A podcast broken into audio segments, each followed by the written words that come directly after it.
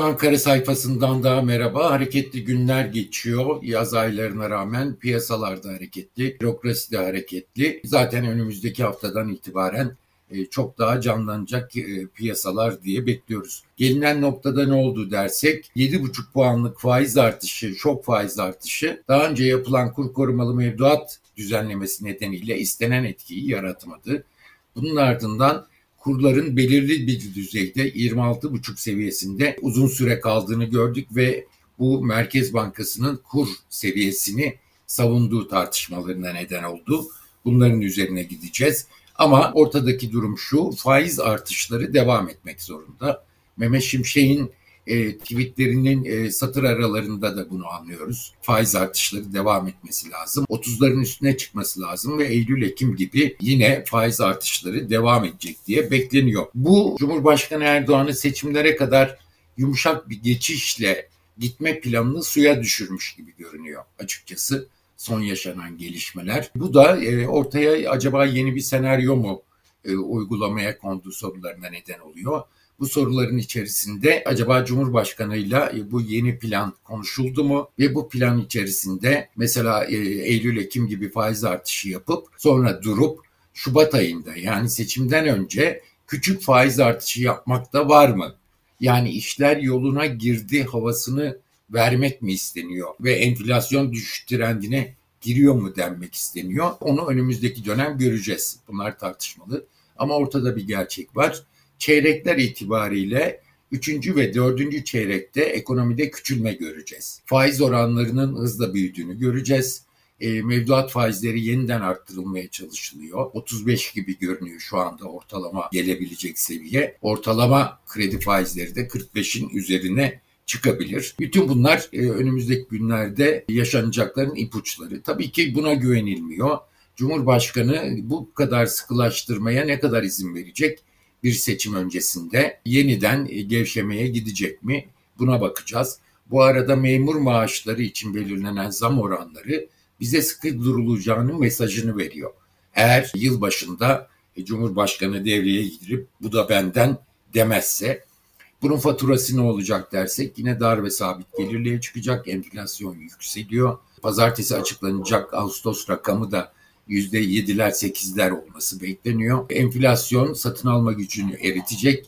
Yıl başında yapılacak zam ne olursa olsun erimeye bir süre daha devam edecek. Fatura kime çıkacak dersek serbestleşme nedeniyle finans kesiminin fazla zarar göreceğini sanmıyoruz. Ama bu sefer 2021'den beri rahat eden, ucuz kredi temin eden reel sektörün artık zora girmeye başlayacağını düşünüyoruz. Tabii ki her zaman olduğu gibi sınıfsal bir tercih olarak da çalışanlar dar ve sabit gelirli yine bundan zarar görecek belli ki hem seçime kadarki süreçte hem seçimden sonra enflasyonla mücadele samimi biçimde devam ederse bundan zarar görecek olan yine aynı kesim olacak. Merkez Bankası 7,5 puanlık faiz artışından önce kur korumalı mevduat kararını niye aldı? Ee, bir yanılgı mıydı? Sonuçlarını hesap edemediler mi? Yoksa bilinçli olarak mı bu karar alındı ve ardından 7,5 puanlık faiz artışı zorunlu hale mi getirildi? Bütün bunlar araştırılması gereken, arkasında başka sebepler aranması gereken gelişmeler gibi duruyor. Ama olan oldu. Kur korumalı mevduatta çözülme başladı. Rezervler erimeye devam etti. Kurlar üzerindeki baskı devam ediyor. Saççıların söylediğine göre alınan kararlarla yaklaşık 25 milyar dolarlık bir çözülme kur korumalı mevduatta görülüyor. Bunu, bunu neden yaptı dersek, niye erken başladı bu e, duruma dersek Merkez Bankası, Merkez Bankası'nın zararları 650 milyar TL'ye ulaşmış durumda. Ve bu e, tarihte görülmedik kadar büyük zararlar ve hazine kağıtlarıyla karşılanması gerekecek olan kararlar. Rezervler eridi eksi 68-69 kamu dahil swap hariç rezervler ama buna rağmen bu rezervlerden rahatsız görünmüyor e, Merkez Bankası. Bunu, bunun içinde e, şöyle bir şey e, konuşuluyor. Albayrak döneminde başlayan bir uygulama vardı. Albayrak diyordu ki bankaların elindeki rezervler de bu ülkenin rezervi. Biz bunu kullanırız. Tabii ki bu tedirginliğe yol açıyordu. Ne oluyoruz? Döviz hesabı açanların tasarruf sahiplerinin tedirginliğine yol açıyordu. E, şimdi bunu söylemiyorlar açıkça Ama e, benzer bir uygulama sürüyor. Döviz hesaplarına gitse bile bundan çok fazla tedirgin olmuyor Merkez Bankası. Çünkü döviz hesaplarına gidenler de bankalar kanalıyla swap olarak Merkez Bankası'na geliyor. Merkez Bankası'na gelen bu rezervler kuru durdurmak için harcanmaya, satılmaya devam ediyor. Burada bir başka nokta var. Hala şeffaf değil. Yani KKM nedeniyle ne kadarlık döviz satış yapıldığı belli değil. E, bu rakam açıklanmıyor. Halbuki açıklanabilir bütün bunlar. Kamu bankaları hala devrede. E, bunu da çok açıkça görüyoruz. Ama bu, bu konuda da bunları söylemiyorlar Mehmet Şimşek. E çünkü bir yandan da Mehmet Şimşek Gaye Erkan piyasacı olarak ortodoks politikaları savunan kişiler olarak geldiler. Belli ki zorunlu olarak bazı şeyleri yapıyorlar ama bundan da mahcup oluyorlar. Aynı şekilde Albayrak döneminin bir şeyini yaşıyoruz. Brüt rezervler azalmıyor net rezervler azalıyor. Geçtiğimiz hafta da devam etti. Bir önceki hafta 5.3 milyar dolarlık bir erime vardı. Geçen hafta devam etti. Yalnız baktığımız zaman günlük 9 milyon dolarlık bir erime oluyordu. Bu, bunun yavaşladığını gördük. Hatta geçtiğimiz perşembe günü bir giriş gözüküyor rezervlerde.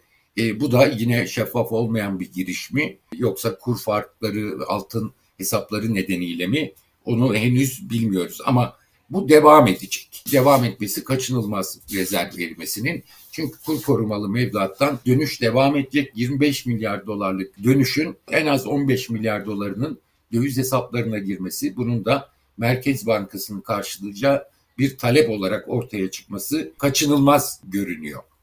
Kur seviyesi tartışması var. Kur seviyesi e, bankacılar tarafından dile getiriliyordu. Piyasadaki hareketlere bakarak Merkez Bankası kur seviyesini 2.65 TL dolar kurunu savunuyor diyorlardı. Mehmet Şimşek buna karşı çıktı ve Hakan Kara'nın daha önce Merkez Bankası baş ekonomistlerinden Hakan Kara'nın bir tweetini şey yaptı. Atıfta bulunarak e, söyledi. Hakan Kara'nın e, söylediklerinde şu vardı. Politika faizini ilk başta 25 puana çıkarsaydınız bütün bu gelişmeler yaşanmayacaktı. Tabii ki şu anda 25 puana çıkmasının etkisi olmadı diye düşünmemek lazım. Bunun etkisi oldu. Yoksa kur korumalı mevduattan çözülme için maliyet çok yüksek olacaktı diye rakamlar veriyordu. Şimşek kur seviyesine müdahale edil, ediliyor iddiaları yanlış diyerek ne demek istedi? Dalgalı kur devam mı ediyor? Etmiyor. Yani niye hep 2.65 TL'de kalıyor? Niye KKM'den sırf dönüşleri karşılamak için bu yapılıyorsa KKM'den dönüşler her gün aynı mı? Niye aynı e, miktarlarda satışlar oluyor? Bütün bunlar tabii ki dediğim gibi mahcup olduğu için bunu söyleyemiyor. Dalgalı kurdayız da diyemiyor ama seviyeye müdahale etmiyoruz diyor. Halbuki ediliyor ve böyle dönemlerde belki edilmesi de gerekiyor.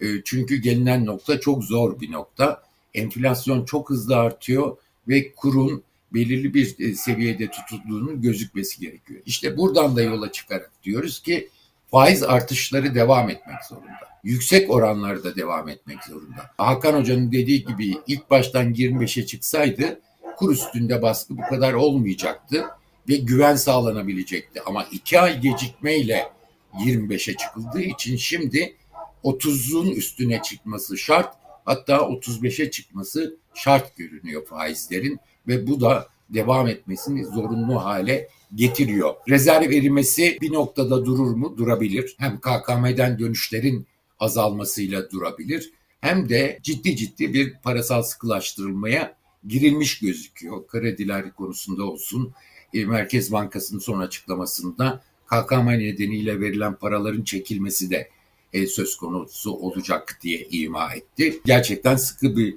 sıkılaşma oluyor sıkılaşmaya bağlı olarak da tüketici eğilimlerine bakıldığında iç talepteki daralma tam olarak gözükmüyor. Önümüzdeki döneme ilişkin tüketicilerin harcama eğilimi hala gözüküyor. E, bunu tam olarak söyleyemiyoruz ama talebin azalacağı kesin.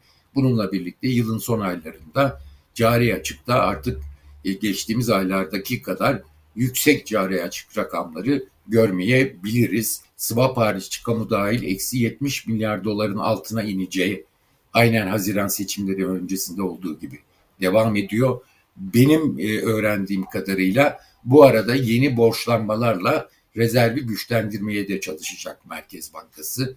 Yani eksi 70'in altına gir, geldiği zaman orada e, dışarıdan bir takviye olabilir diye duyuyorum. Ne kadar gerçekleştirilebilecek e, bunu şimdiden görmek mümkün değil. Önümüzdeki ilk 2-3 ay kurdaki seviye e, tartışması var. Merkez Bankası bir şey yapmak zorunda enflasyonla mücadele içinde. Ama acaba sabit tutmak mı doğru yoksa aylık 2-2,5'luk kur artışlarına izin vermek mi doğru? Bu tartışılıyor. Diğerinde eğer sabit bırakırsanız uzun süre burada da döviz talebi üzerindeki baskının artması söz konusu oluyor. Çünkü e, bir devalüasyon ihtiyacı da var. Özellikle ihracat dış satım çok zorda. İhracattaki e, Türk lirasının değerlenmesi e, argümanını ihracatçıların kullanmaması gerekiyor. Finansman e, imkanıyla ihracatçılar destekleniyor ama bazı alanlarda ihracat da zorda gibi gözüküyor. Baktığımız zaman faiz artışı bu nedenle çok zor. Güven vermek içinde e, bu faiz artışlarının devam etmesi şart hale gelmiş gibi görünüyor. E dediğimiz gibi iktidarın seçime kadarki planı değişti mi onu önümüzdeki dönem daha fazla sorgulayacağız. Olabilir ama Cumhurbaşkanı ile yeni plan üzerinde anlaşıldı mı onu bilmiyoruz. O yüzden de son anda en azından yılbaşına kadar çok sıkı gidelim deyip de daha öncesinde Cumhurbaşkanı e, frenden ayağını çekmeye karar verirse bunu daha önce gördük çünkü. O yüzden de çok emin olamıyoruz böyle bir senaryo e, konuşuldu ve üzerinde mutabakatta kalındı mı diye. 2-3 ay daha faiz artışı kesin. Bunun sonuçları olacak. Bunun sonuçlarından biri büyümenin daralması olacak. Dediğimiz gibi 3. ve 4. çeyrekte çeyrekler itibariyle eksi rakamlar e, göreceğiz. Buna Cumhurbaşkanı Erdoğan dayanacak mı? Onu göreceğiz. İşsizlik oranlarında bir artış kaçınılmaz gözüküyor önümüzdeki dönem. Bu daralmaya bağlı olarak yani ekonomiyi soğutmaya çalışıyorlar. Alınan önlemler soğutmaya dönük ama Cumhurbaşkanı bu ne kadar soğuyacak, e, ne kadarına izin verecek onu henüz bilmiyoruz. O yüzden de Cumhurbaşkanı'nın ekonomi anlayışı nedeniyle güven sağlanması bu adımlar atılsa bile çok zor görünüyor ve giderek zorlaşıyor. Bu rezervi etkileyecek, rezervde patlamalara neden olur mu? Çok tahmin edilmiyor. Yani bir kur atağına neden olacak kadar rezervler o kadar düşer mi? Çok e, bu beklenmiyor. Dediğimiz gibi cari açıkta da e, kurların KKM nedeniyle sanıyorum artık daha fazlasını seçime kadar yapmazlar. Erimenin oranıyla ilgili. O yüzden de e, böyle olur. Ama girerken ne olacak? Cari açıl, e, açık azalmış olacak. İşte enflasyon 3-4 ay daha yapacak. Daha sonra e, hızlanması durduğu zaman bakın enflasyonu durdurduk diyebilecekler. İşte ekonomik istikrarı seçim öncesinde yeniden sağladık biz yapı, yaparız. Bunu görüyorsunuz işaretleri de vermeye başladı. Faiz bile indiriyoruz diyebilirler. Şubat'ta yapacakları bir faiz indirimiyle ve seçime giderken yine yaparsak bu işi biz yaparız gibi bir algı yaratmaya çalışabilirler. Bunu e, Cumhurbaşkanı yani her seçim öncesinde bir şekilde becerdiği gibi bunu da beceriyor olabilir. Kim ödeyecek maliyeti dediğimiz zaman e, biraz önce de konuştuk. Çalışanlar ilk başta ödeyecek. Dar ve sabit gelirli ödeyecek ve de borçlu olanlar çalışanlardan çok daha fazla ödeyecekler. Çünkü buraya geldiğimiz zaman e, faizler çok yükselecek ve e, bunların borçlanma maliyeti e, çok fazla artacak.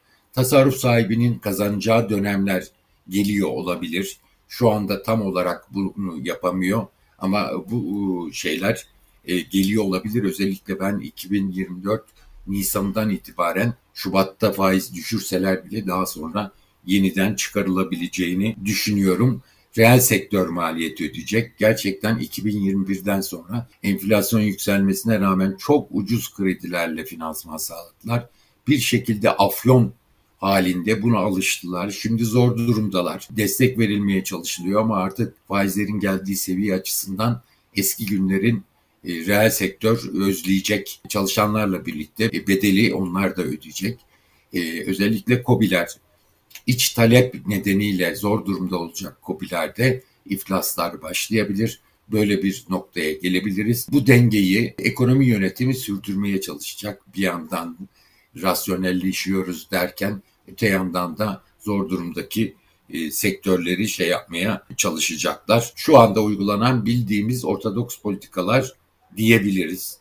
E, seçimden sonra çok daha sert olacak. Zaten yoksullaşma artmıştı.